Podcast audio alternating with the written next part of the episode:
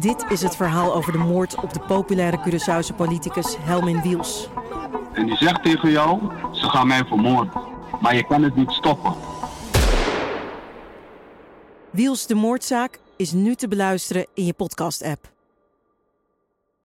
En dan hoor je in één keer: Hanno is zoek.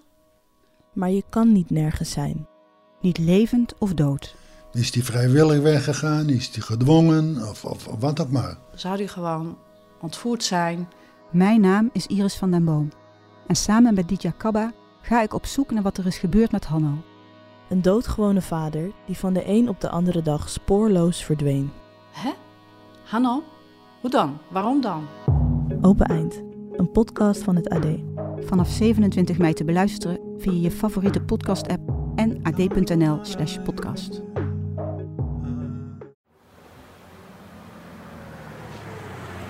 We komen aan in het idyllische Brabantse Oudenbos.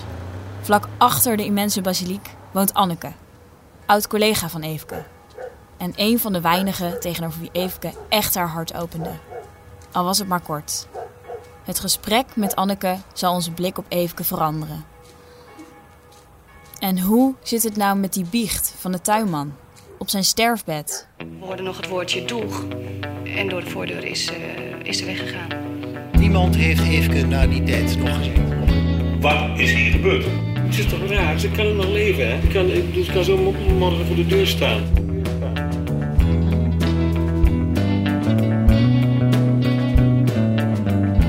Ik weet ook wel dat ze langzamerhand begon te vertellen dat ze ook best wel... Uh, heel ander leven wilde gaan leiden. Ja.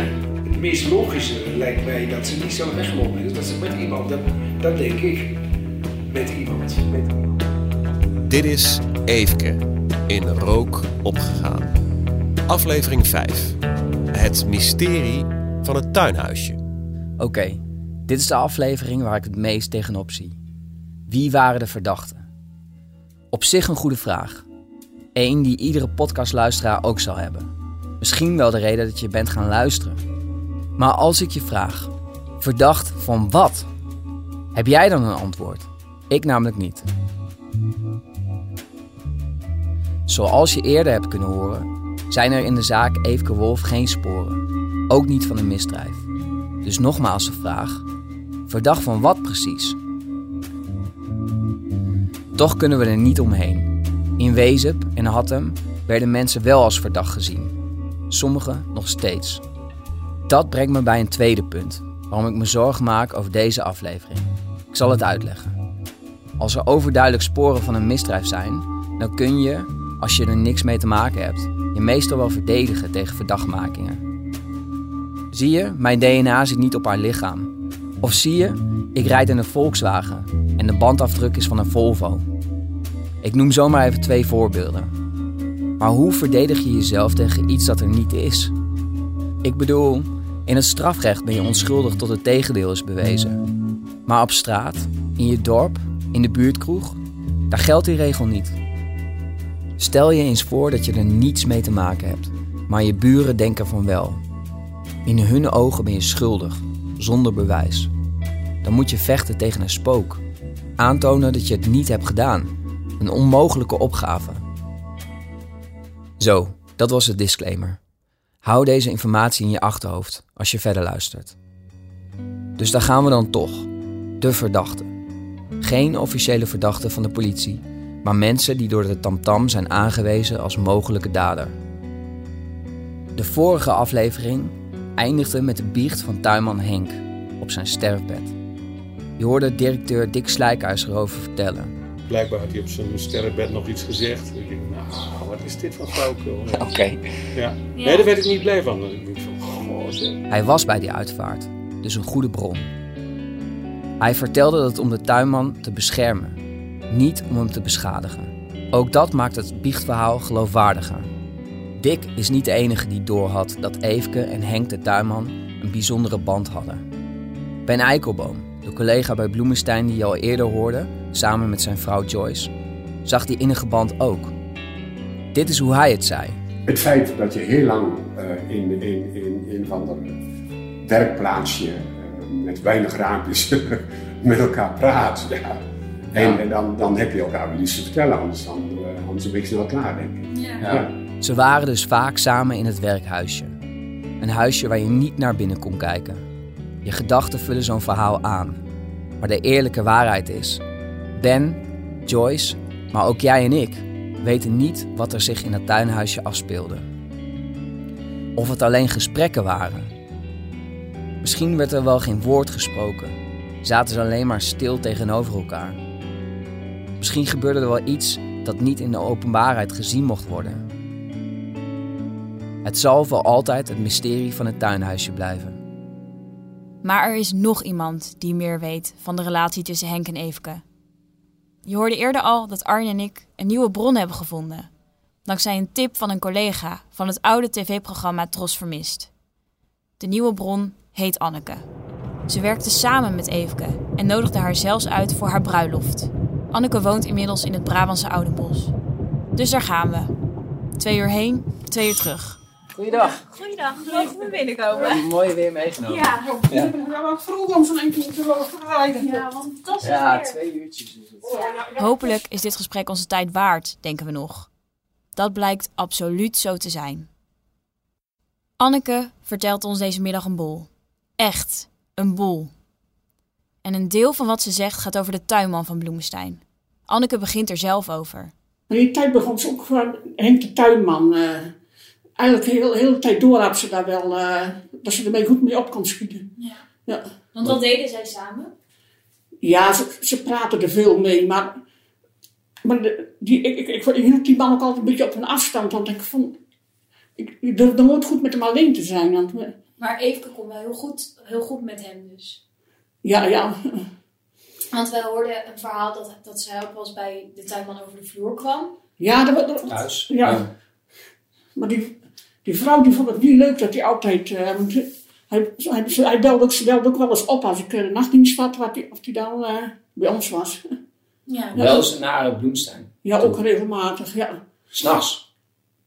Ja, of ja. s'avonds laat. ja, dan was hem kwijt en dan, eh, ja, of hij daar was, eh, Oh.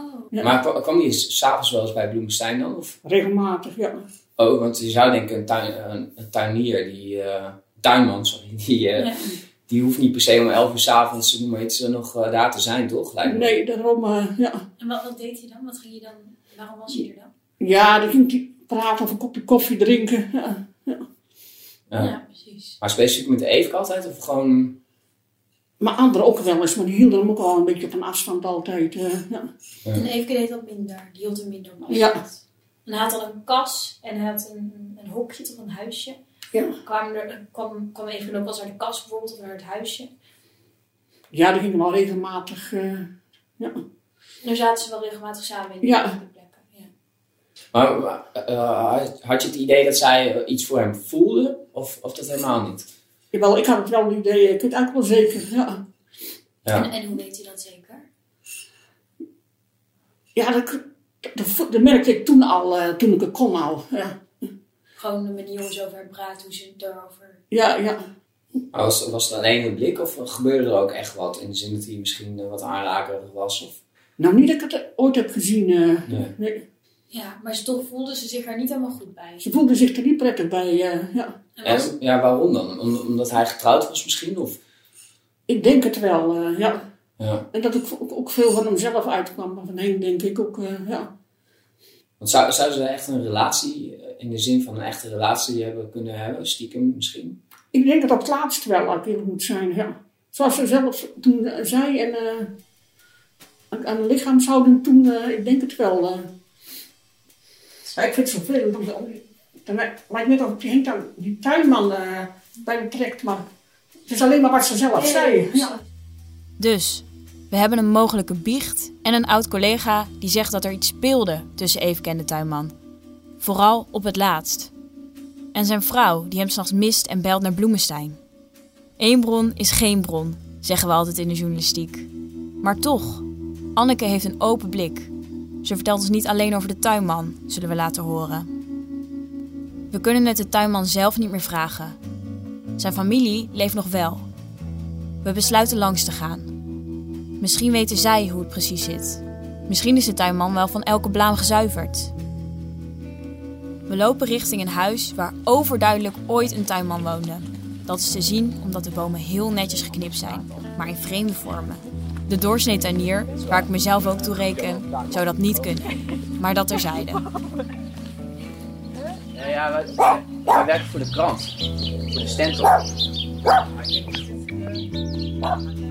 Hier houdt de opname op. Niet letterlijk, want de audio loopt gewoon verder.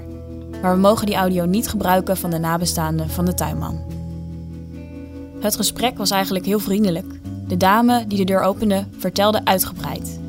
Maar enkele uren na dat gesprek belde ze op om te zeggen dat ze niet wilde meewerken.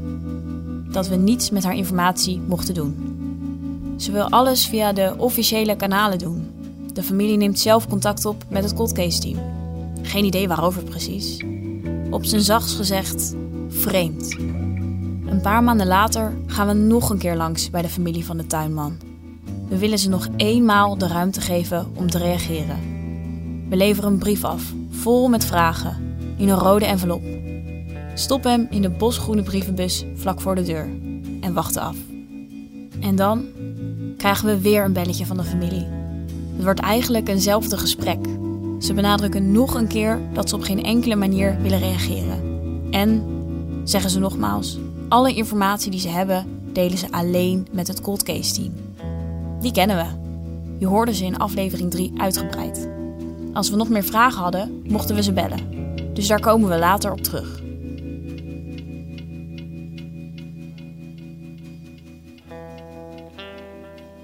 Dan de andere kant van het verhaal, want die is er zeker. Tuinman Henk wordt gesteund door bijna al zijn oud-collega's. Zij kunnen zich niet voorstellen dat hij er iets mee te maken heeft. Luister maar naar klusjesman Gerrit Slijkhuis en zijn vrouw Riet. Henk was een heel erg zenuwachtige man. Ja. En als je dan, en dan helemaal, als je dan heel zenuwachtig en, en eng gaat. Kom je gewoon Ja, dan word je al gauw een beetje verdacht. Maar Ja. ik, ik, Want eh, eh, eh, wij hebben nog geprobeerd om te achterhalen of zijn, wat zijn alibi precies. eh weten jullie of hij helemaal uitgesloten... Ja, hij was helemaal uitgesloten. Ja? Ja. weet je dat? Ja. Zeker? Ja. Ja, dat denk ik ook. Maar Ja. dat is misschien Ja, wel een aanname hoor, dat weet ik niet. Wat is uitgesloten? Je, je, je, eh, Nou ja. zoiets, dan weet je nooit van... eh, Had hij een sluitend alibi, is. dat weten wij ook niet. Nee, precies. Dat weten wij niet. Nee, Als hij gewoon thuis geweest Nee, is met nou, we, gewoon- op, toen het afgesloten is, is er wel gezegd van in de bloemenstein hoeven we het niet te zoeken. Nee. En, en zoals de, de tuinhokjes en zo, dan zijn die ook allemaal helemaal... eh, Alles tot op de draad. Ja? Ja. Boah, dat is ook wat, hè? Ja. Er was nog een waterput, die was al, eh, nou, al wel 30 jaar ge- gedempt, zeg maar, met puin. Hebben ze helemaal losgetrokken. Eh, Oh ja. ja. Ja. Maar ze, ze zijn dus van begin af Defensie aan... toen gedaan hoor. Die, Ja. eh, Oh, ja. speciale mensen van. Defensie. Ze zijn wel van het begin af aan eigenlijk echt... eh, Ze hebben er ontzettend bovenop gezeten. Ja. Nou ja, ik weet wel dat over Henk dat het toen, ja, dat was inderdaad ook met opsporing verzocht Ja. of zo. Ja. Maar volgens mij, als het nou een collega, Dick of een van wie dan ook, die je kent en die gewoon weer aan het werk moet, volgens mij merk je dan dingen. Dat, dat, dat kan je toch niet verborgen houden in, in, in alles. Zoveel jaar, ja. Dus dan, dan- ja, maar Nee. ook die eerste maanden daarna. Ik kan me niet voorstellen dat je dan niet denkt van, "Oh, die gedraagt zich vreemd zeg. Wat zou ik daar toch... eh?" Ja, Nou ja, dat had Henk dus een beetje, omdat hij zo zenuwachtig was. Maar iedereen kende Henk zo, dus dat was ook al gauw... eh. Ja, omdat de groep klein Ah, was, als er nou kende gewoon- je elkaar goed. Stel dat er nou gewoon een collega was, dan zou je toch gemerkt hebben als zo iemand. Ja, Op een tuurlijk. gegeven moment. En vooral in dat, Dat die toch club heel die erg. En dan Dick, de directeur van Bloemenstein. Hij hoorde dat tuinman Henk iets op zijn sterfbed zou hebben gezegd. Denk je dan meteen dat het over Eefke zou gaan? Ja, natuurlijk denk je dat. Ja. Maar ik denk tegelijkertijd van, dat kan niet. Nee. Dat kan Op niet. basis van hoe u hem Met, met kende. hem, ik kende en... hem heel goed eh, Ja. als medewerker. Ja. En, en zonder, eh, zonder daar... Ik heb hem na die tijd ook nog heel lang meegemaakt. Ja, En ik denk van, dat is geen enkele aanleiding voor Mhm. om, dat, om dat te denken. Henk de tuinman is blijven werken bij Bloemenstein. Tot zijn pensioen. Natuurlijk wil dat niet per se zeggen dat hij er niets mee te maken heeft. Maar het is wel opvallend. Het spreekt in zijn voordeel. Hij voelde zich blijkbaar niet naar op die plek. En wat ook vaststaat over de tuinman, hij is goed doorgelicht door de politie. En dan is er nog die biecht. Wat is de waarde van dat verhaal? Even heel feitelijk. Punt 1. We weten niet waar die biecht over ging. De familie wil het niet vertellen en de dominee mag het niet vertellen. Dus het kan heel goed zijn dat er een biecht is geweest die absoluut niet over Eefke ging. Of wel over Eefke, maar niet over haar verdwijning. Dan zijn we toch ook blij met onze ervaren regisseur Dick Gozen weer. Je hoorde hem al eerder. Hij heeft in zijn lange carrière bij de recherche ook nog nooit een bekentenis op het sterfbed gehoord. Die het best wel, maar ik ken er zelf ook geen, geen, geen Het is niet iets wat regelmatig voorkomt. zeg maar. In films. films Ja, het is echt een film. en boeken. Ja. Alles bij elkaar opgeteld zijn er vage verdachtmakingen. Dat is het. Meer niet. Niet voldoende om hem als verdachte te beschouwen. Ook directeur Slijkhuis werd verdacht gemaakt. Eefke paste bij hem thuis op. Welke directeur laat een jonge medewerker op zijn kinderen passen? Maar, we zeiden het de vorige aflevering ook al, we moeten het ook bekijken in het licht van de jaren 80. Eefke had niet zoveel eh, acties buiten, eh, buiten Bloemenstein om. Dus, en eh, ik, op een gegeven moment zat ik omhoog met, eh, met oppas. Mijn vrouw en ik badmintonnen allebei op dezelfde avond. Het was altijd reuze moeilijk om op, van, nou, dat wil ik wel doen, zei ze toen. eh, ik weet niet in het werk. dus, nou. En daar is een eh, goede, ja, Ja, een goed contact uit voortgekomen, laat ik het zo zeggen. vriendschap eigenlijk. Of... Nou, dat zou je het wel kunnen noemen, Ja. ja. ja, ja. Alleen het is altijd het is ingewikkeld als je leidinggevende bent en eh, je moet oppassen dat mensen niet voortrekken. Dus je probeert dat dan eh, op zo net mogelijke manier. Ik zou het nu, na die tijd heb ik het nooit meer gedaan zo hoor. Nee. Nee, ik denk van... Maar dat voelde toen absoluut niet eh, verkeerd, zeg maar. Absoluut nee. niet, nee. Nee. Nee. Kijk, die kinderen gingen naar bed als wij gingen badmintonnen. Ja, en dan zat zij hier tot, nou, ze ging wel keurig op tijd naar huis. 11 uur, half 12 denk ik. Ja, altijd op de bromfiets. Of... Op de bromfietsen, ja. ja. Ze ging altijd op de brommer. Ik zie nog zo voor me met de helmpje op en... eh, Ja. En ook gewoon midden in de nacht. Gewoon al- altijd. Altijd, ja. ja. en het was natuurlijk wel dat- werk. En dan, als je eh, niet, die zijn geweest, dus Ja. midden in het bos. En Ja. Als je dan naar huis eh, rijdt met het brommetje, dan ben je pittig hoor. Er is nog iets opvallends. We hoorden dit voor het eerst van collega Anne Boer. En een jaar later, toen hij ergens in Ermelo werkte, toen verdween er een meisje. Ik denk die Maria.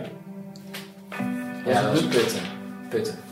Maria van der Zanden uit Putten. En toen is, zijn ze weer bij me gekomen. Dick Slijkhuis ging na zijn tijd bij Bloemenstein aan de slag bij een andere grote organisatie. En toen hij daar werkte, verdween in 1994 opnieuw een jonge vrouw, Maria van der Zanden uit Putten. Ze keerde tijdens een fietstochtje niet meer terug.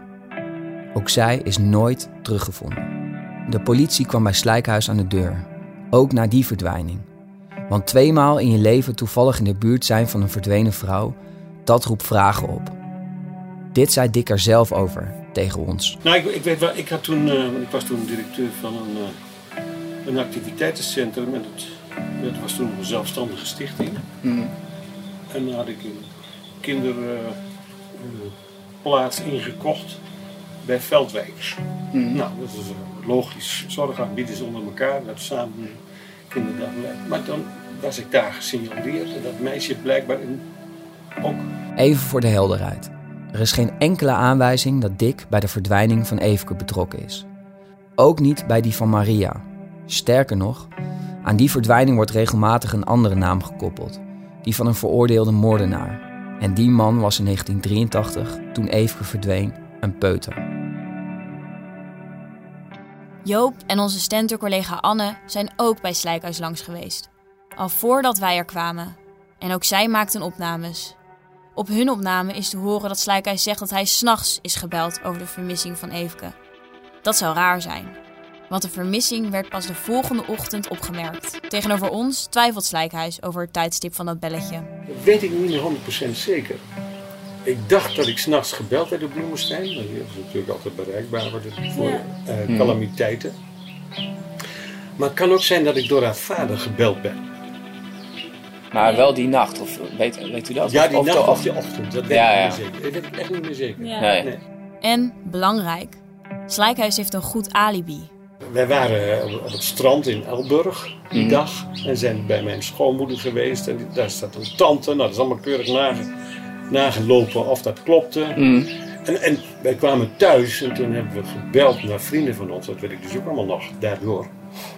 Naar, naar vrienden van ons. Hè. Nou, een heel gesprek en zo. Nou, dus ja, dat was dan mijn eh, legitimatie dat ik er niet bij betrokken was. Ja, een alibi zeg maar gewoon. Ja, Ja, daar komt het op neer, ja. Maar het is een rare, rare gewaarwording, kan ik je wel vertellen. Ja, dat snap ik. Twee dagen gepraat met, die, met de politie over iedereen. eh, Als je dit zo hoort, dan lijkt het alibi sluitend. Want er moeten wel heel veel mensen moedwillig liegen, mocht het alibi niet kloppen. En waarom zouden ze dat doen? Dat Slijkhuis het exacte moment van het belletje niet meer weet, dat is toch niet zo vreemd? Misschien voelde het aan als 's nachts, omdat hij nog lag te slapen. Misschien is zijn herinnering na al die jaren niet meer zo scherp. Niemand van de mensen die wij gesproken hebben kan zich voorstellen dat Dick er iets mee te maken had. Zijn alibi is door de politie uitvoerig onderzocht. Hij is uitgesloten. Oké, Pauline, we zijn terug op de redactie. En we hebben een echt een mega interessante tip binnengekregen. Ehm, ik zal er even kort over vertellen voor de luisteraars. Dat is denk ik wel handig. Mhm. Eh, het komt eigenlijk neer dat we iemand hebben gesproken die het dagboek heeft ingezien ooit.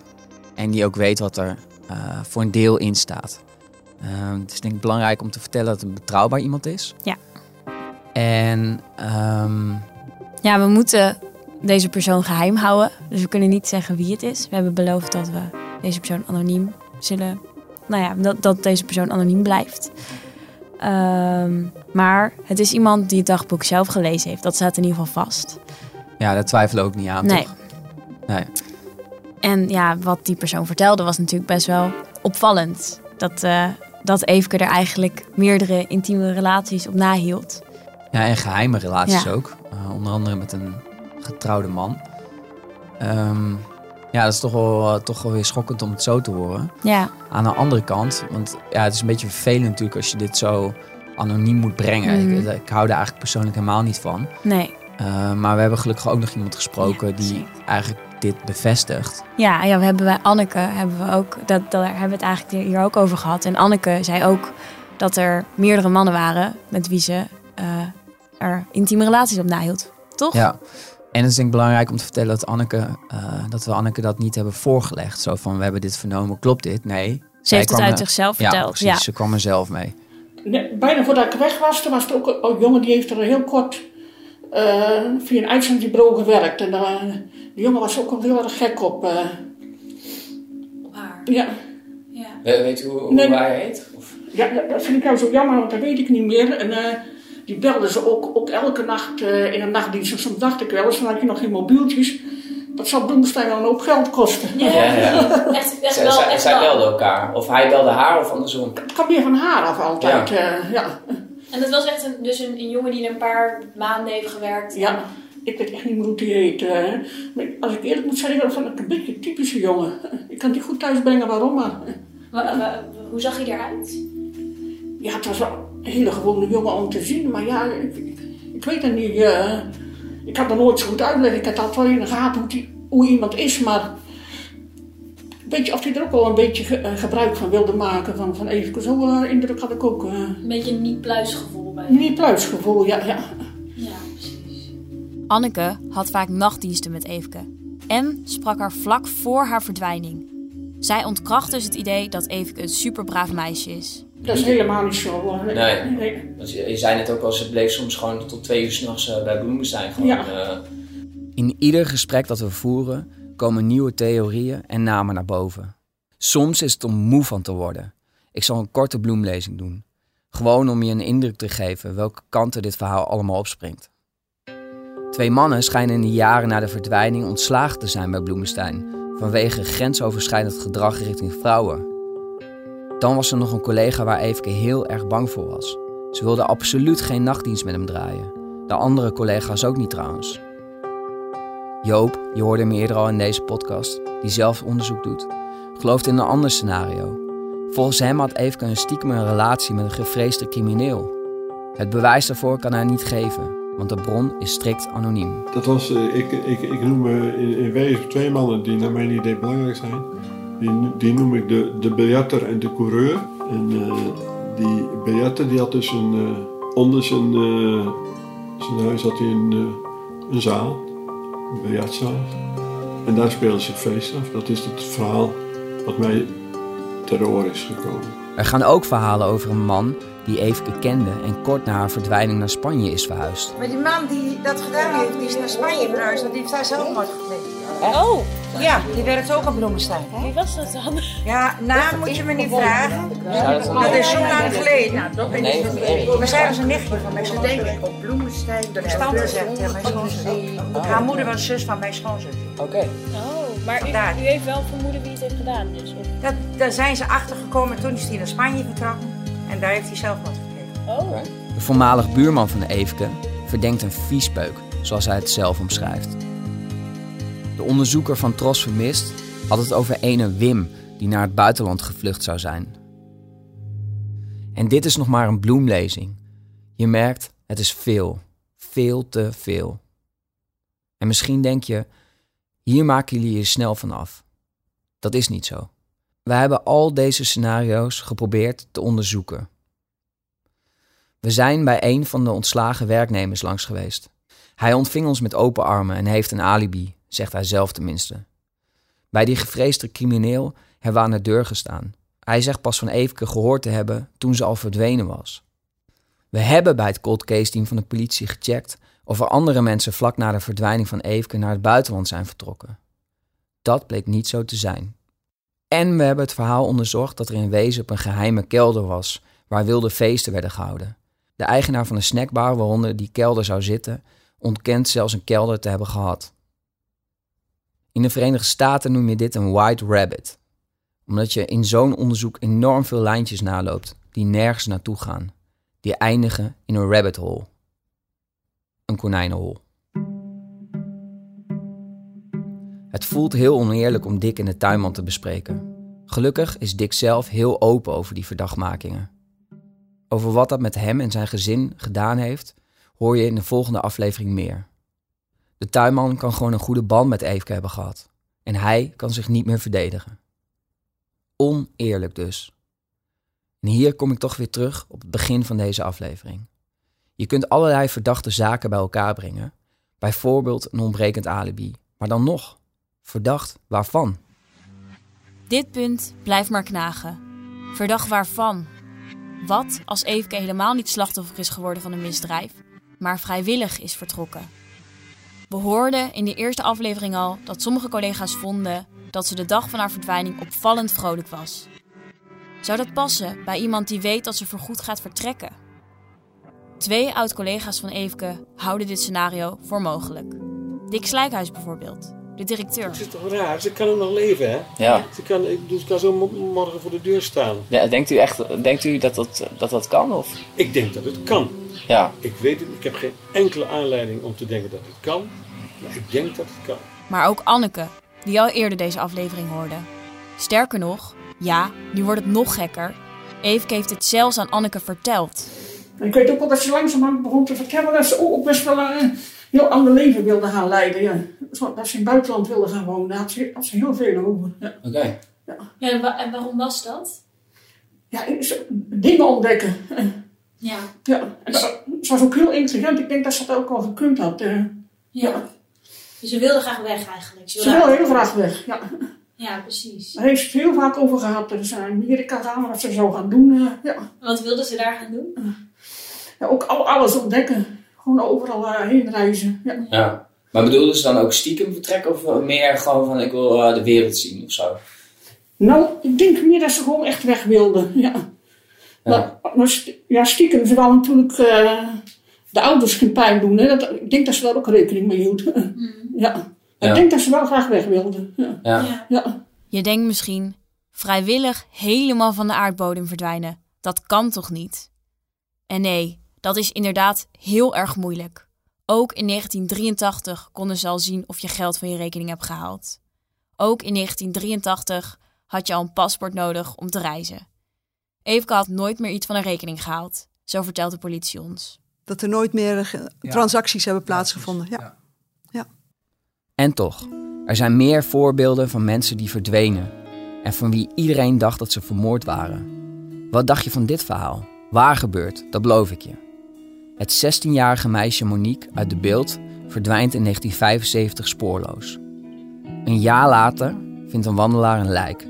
En nog eens tien jaar later concluderen onderzoekers dat dit Monique moet zijn geweest. Ze wordt doodverklaard.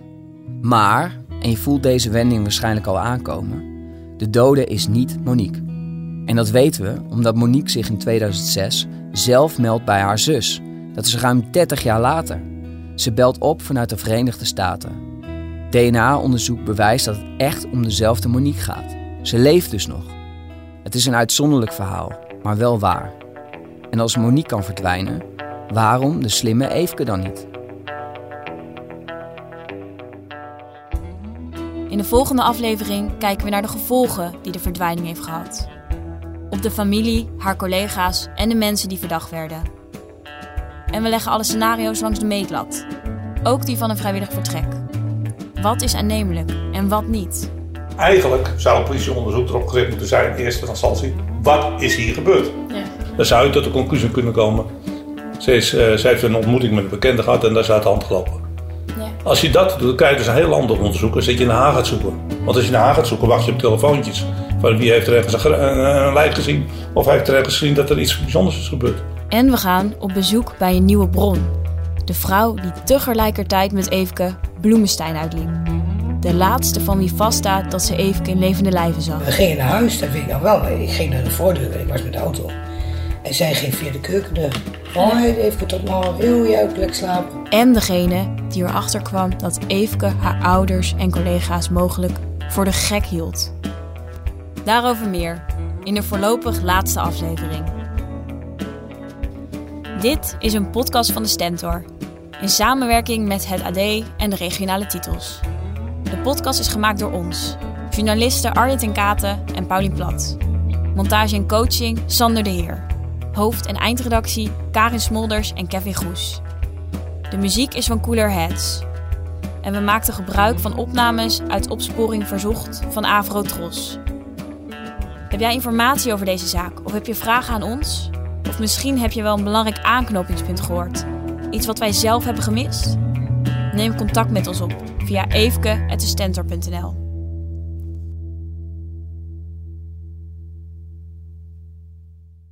Mijn naam is Willem Hinskens. Ik heb je gezegd, broer. Ik ben niet op die donker van denken van je. Hey. Dit is mijn verhaal. Niks te klaar, broer. Ik ben niet met de klaar, Loop naar toe en haal hem uit. Een verhaal over een mishandeling. Kanker, bitch, broer. Mijn mishandeling. 30 jaar geleden in een stadspark in Deventer. Ook ik werd belaagd, geslagen en geschopt. In deze podcast ga ik 30 jaar na mijn mishandeling alsnog de confrontatie aan met mijn belagers. Niet om verhaal te halen, maar om in gesprek te gaan. Luister Klappen, een nieuwe podcast van het AD en de aangesloten regionale dagbladen. Dit is het verhaal over de moord op de populaire Curaçaose politicus Helmin Wiels. En die zegt tegen jou, ze gaan mij vermoorden. Maar je kan het niet stoppen. Wiels de moordzaak is nu te beluisteren in je podcast-app.